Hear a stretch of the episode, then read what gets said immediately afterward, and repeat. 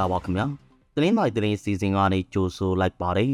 ဒီစီစဉ်ကိုတဝဲဝဝိုင်းတော်သားတွေကစူးစီးတင်ဆက်ထားတာပါဒီနေ့တင်ဆက်ပေးမယ့်သတင်းတွေကတော့ဘလောမှာတိုက်ပွဲပြင်းထန်နေတဲ့အတွက်ခိတ်တဲ့တင်ကားတွေပေးမိနေတဲ့အကြောင်းတဲချောင်းမြို့နယ်မှာပြည်သူတွေရဲ့ပစ္စည်းတွေကိုစစ်ကောင်စီတပ်ကယူဆောင်သွားကြတဲ့အကြောင်းတဝဲရှိတော်ဒေသမှာနှစ်ရက်ဆက်တိုက်ဖြစ်ခဲ့တဲ့တိုက်ပွဲမှာနှစ်ဖက်ထိခိုက်သိမ်းဆုပ်တာတွေရှိခဲ့တဲ့အချိန်တွေ ရန်ပုံငွေပြက်လက်သွားလို့ဇဝတိအဖွဲ့ယာယီယာနာထားတဲ့အကြောင်းကံပေါက်ဒေသကမူဂျိုကျောင်းပတ်ရှင်စနီမောင်နာကိုစစ်ကောင်စီတပ်က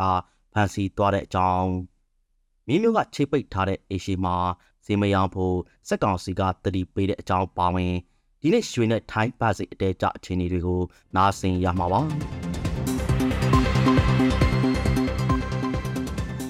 ယ်လိုမျိုးနဲ့ဘော်ကိုရွာမှာစစ်ကောင်စီတာနဲ့ပြည်သူ့ကာကွယ်တပ်တို့တိုက်ပွဲပြစ်ထန်နေပါတယ်ဒီနေ့နေ့လယ်ကစပြီးနှစ်ဖက်တိုက်ပွဲပြစ်ထန်နေတဲ့အတွက်ခိတဲ့တင်ကားတွေလည်းဘလော်မျိုးမှာပိမိနေတယ်လို့ဆိုပါတယ်ဒီနေ့ညနေချင်းမင်းများချက်ရဘော်ကိုရွာဘက်မှာပြစ်ခတ်မှုနေသွားပြီးဘလော်မျိုးရှိစစ်ကောင်စီတပ်ကနန်းတော်ရွာဖက်ကိုလက်နက်ကြီးနဲ့အဆက်မပြတ်ပိနေတယ်လို့ဆိုပါတယ်ပေါ်ကိုရွာဘလောမျိုးရဲ့တောင်ဘက်မှာရှိပြီးနန်းတောင်ရွာက မြို့ရဲ့အရှိဘက်မှာရှိတာပါတိုက်ပွဲတွေခါစစ်စစ်ဖြစ်နေတာကြောင့်ပေါ်ကိုရွာနဲ့နန်းတော်ရွာမှာဒေသခံတွေမနေတာကြားပြီးဖြစ်ပါတယ်တဲချောင်းမျိုးနဲ့တဲ့စစ်ကြောင်းထိုးခဲ့တဲ့စစ်ကောင်စီတားစစ်ကြောင်းဟာဒေသခံနေတွေကပစ္စည်းတွေကိုယူဆောင်သွားကြတယ်လို့ဒေသခံတွေကပြောပါတယ်စစ်ကောင်စီတားဟာအခုလ10ရက်ကနေ16ရက်နေ့အထိမင်းတန်းကမိုင်ရငယ်ကျွဲမင်းကုန်း ကနက်တီစားတဲ့ရွာတွေကိုစစ်ကြောင်းထုတ်ခဲ့လို့ဒေသခံတွေထွက်ပြေးခဲ့ကြရပါတယ်။ဒီလိုထွက်ပြေးနေရချိန်ကနက်တီရွာက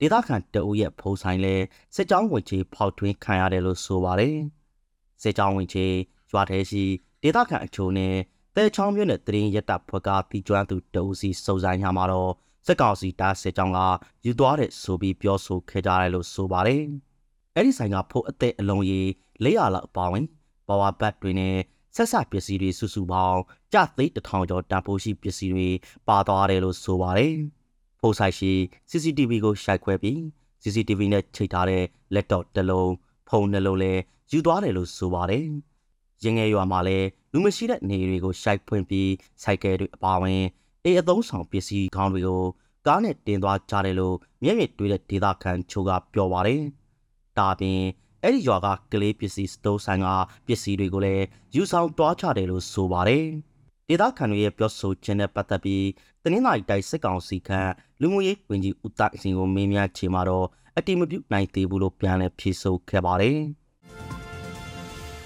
တဝဲမျိုးအရှိတော်ဒေတာမှာနှစ်ရက်ဆက်ဖြစ်ပွားခဲ့တဲ့တိုက်ပွဲအတွင်းနှစ်ဖက်ထိခိုက်ကြားဆုံးမှုတွေရှိခဲ့ပါတယ်။ဇွန်လ16ရက်နေ့ညနေကပကာရီကျေးရွာအုပ်စုမဲချောင်းရွာနာမှာ တပ်ဆွဲထားတဲ့စစ်ကောင်စီတပ်စခန်းငယ်ကိုတဝဲစုပေါင်းစစ်ကြောင်းက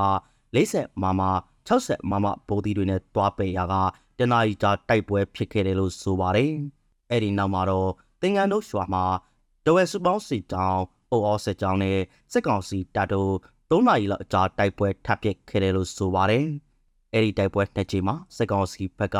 ထိခိုက်သေးဆိုသူများတယ်လို့သိရပြီးအသေးစိတ်အခြေအနေကိုစိုးစမ်းနေဆဲဖြစ်တယ်လို့ဆိုပါတယ်။ ပြည်သူ့ကာကွယ်တာဘက်ကတော့ထိခိုက်မှုမရှိဘူးလို့ဆိုပါတယ်။ဇွန်လ18ရက်နေ့မှာတော့ဝါကုန်းရွာနဲ့ဗမတက်တောင်ကျော်မှာစစ်ကောင်စီတပ်ချင်းလင်းစစ်ကြောင်းနဲ့ချင်းတန်းကိုဒေသကာကွယ်ရေးပူးပေါင်းတပ်တွေကတိုက်ခိုက်ခဲ့တယ်လို့ဆိုပါတယ်။အဲ့ဒီတိုက်ခိုက်မှုမှာတော့စစ်ကောင်စီတပ်သား9ဦးလောက်သေဆုံးပြီး10လောက်ဒဏ်ရာရှာခဲ့တယ်လို့ပြည်သူ့ကာကွယ်ရေးပူးပေါင်းတပ်တာဝန်ရှိသူတအူကအတည်ပြုပြောဆိုပါတယ်။ပြည်သူ့ကာကွယ်ရေးဘက်ကတော့တဝဲခိုင်တိုင်းရင်တေ D1 က PDF နဲ့ဦးသေးဆိုပြီးတအူးတိုင်ရာရခဲ့တယ်လို့ဆိုပါတယ်။